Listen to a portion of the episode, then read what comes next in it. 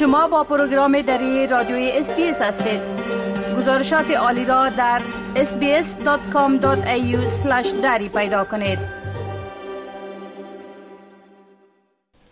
حال با جاوید روستاپور خبرنگار برنامه دری اس برای جنوب آسیا. از طریق تلفن به تماس هستیم که اونا درباره تحولات تازه در ارتباط به افغانستان معلومات میتن.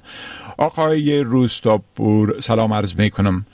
خب گفتم میشه که عکس های بسیار شدید در برابر اظهارات یکی از مقامات طالبان در این مورد که اگر زنان در عملهای عام دیده شوند باعث فتنه و گناه میشه تبارز کرده. بله؟ با سلام وقت شما بخیر آقای که برای همان گونه که شما اشاره کردین اظهارات احمد عاکف مهاجر سخنگوی وزارت امری به معروف و نهی از منکر طالبان که گفته اگر صورت زنان در محله عام قابل دید باشد احتمال فتنه و مرتکب گناه شدن وجود دارد با واکنش های بسیار تندی در شبکه های اجتماعی به همراه شد. عالمان دینی درباره این اظهارات مقام طالبان گفتن که هیچ اصول شرعی ندارد. و برخی از مذاهب تا تاکید می‌کنند که زنان می توانند بدون پوشیدن صورت در جامعه حضور یابند و با این وجود که ملاک اصلی این حضور در جامعه آری از فساد باشد. مدافعین حقوق زنان هم گفتن که باور اونا که سخنگوی وزارت امری به معروف طالبان به خاطر این اظهارات به خاطر هدفشان سرکوب زنان است که بازم اینا یک چیزی که به گفته این مدافعین این اظهارات نوی دیگری سرکوب و معدود ساختن زنان است. این فعالان حقوق زن از عالمان جهان اسلام هم خواستن که این راستا وضاحت دهند تا دیگر طالبا از نام زن و از نام دین زنان افغانستان را بیشتر گفتن که محدود نسازند. ولی طالبان تاکید کردند که اینا هرچی که انجام میدن مطابق شریعت است و زنان مطابق شریعت حق و حقوقشان را تأمین شده در حکومت طالبان. بله. خب همچنان واکنش ها درباره ممنوعیت احزاب سیاسی که از طرف طالبا اعلان شده نشان داده شده. اگر در این باره لطفا معلومات بتین عبدالحکیم شرعی سرپرست وزارت عدلیه طالبان در یک نشست خبری در کابل گفت که احزاب بنیاد شرعی ندارند و فعالیت آنها به منفعت مردم نیست. این مقام طالبان تاکید کرد که در سالهای گذشته بدبختی که به افغانستان آمده از آدرس این احزاب بوده. اما در واکنش به اظهارات رهبران احزاب سیاسی گفتن که فعالیت احزاب با شریعت مخالفت نداره و در ضمن در هر کشوری که احزاب فعالیت نداشته باشند و مردم سالاری به وجود نبیاید.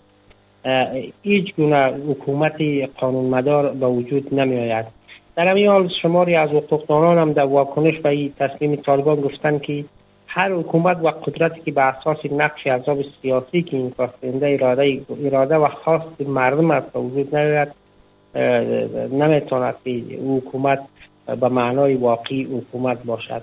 این در حالی است که به اساس معلومات وزارت عدلیه حکومت پیشین نزدیک به هفتاد حزب سیاسی در افغانستان تا سال 2021 ثبت راجستر شده بود و این احزاب کماکان فعالیت داشتند بله خب همچنان گزارش شده که یک تحقیقی که در تاجیکستان انجام شده دریافته که افغانستان به لانه تروریستا مبدل خواد شد و این پروسه جریان داره بله؟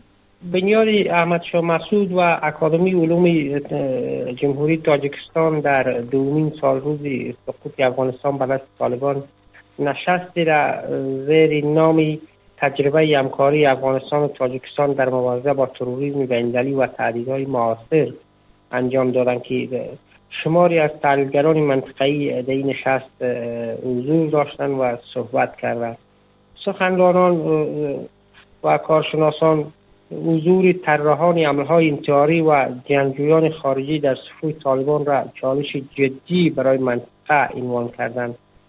به گفته آنان طالبان فرصت را برای تروریسم بین المللی مساعد ساختند تا جهت اجرای عملهای فرامرزی برنامه ریزی کنند و پناگاه های امنی توریستان بین در افغانستان برای توریستان مبدل شده و همچنان افغانستان زندانی برای شهروندان افغانستان این کشور زیر حکومت طالبان تبدیل شده.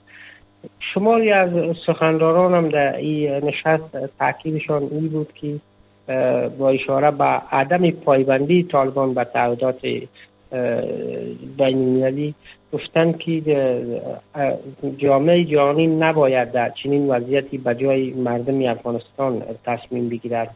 به گفته تحلیلگران طالبان روابط خود را با القاعده و دهها گروه تروریستی منطقه‌ای حفظ کردند و این گروه همکنون در حال تجهیز و برنامه ریزی برای حملات فرامرزی هستند. تاکیدی تحلیلگران ویژه کارشناسان نظامی در این نشستی بود که طالبان پاکستانی عملا فعالیت نظامی دارند و سایر گروه در حال ظرفیت سازی و اگر جهانی وضعیت را نادیده بگیرد دیر یا زود وضعیت به گونه تبدیل خواهد شد که بخصوص کشورهای منطقه عملا جنگ های چریکی و عملات انتحاری را این گروه توریستی که در افغانستان لانهشان دارن آغاز خواهند کرد. بله خب بسیار تشکر آقای روستاپور از زی معلوماتتان و فعلا شما را به خدا میسپارم و روز خوش برتان آرزو می‌کنم. روزی شما هم خوش خدا حافظ ناصرتان. می خواهید این گناه گزارش ها را بیشتر بشنوید؟ با این گزارشات از طریق اپل پادکاست، Google Podcast، Spotify و یا هر جایی که پادکاستتان را می گیرید گوش دهید.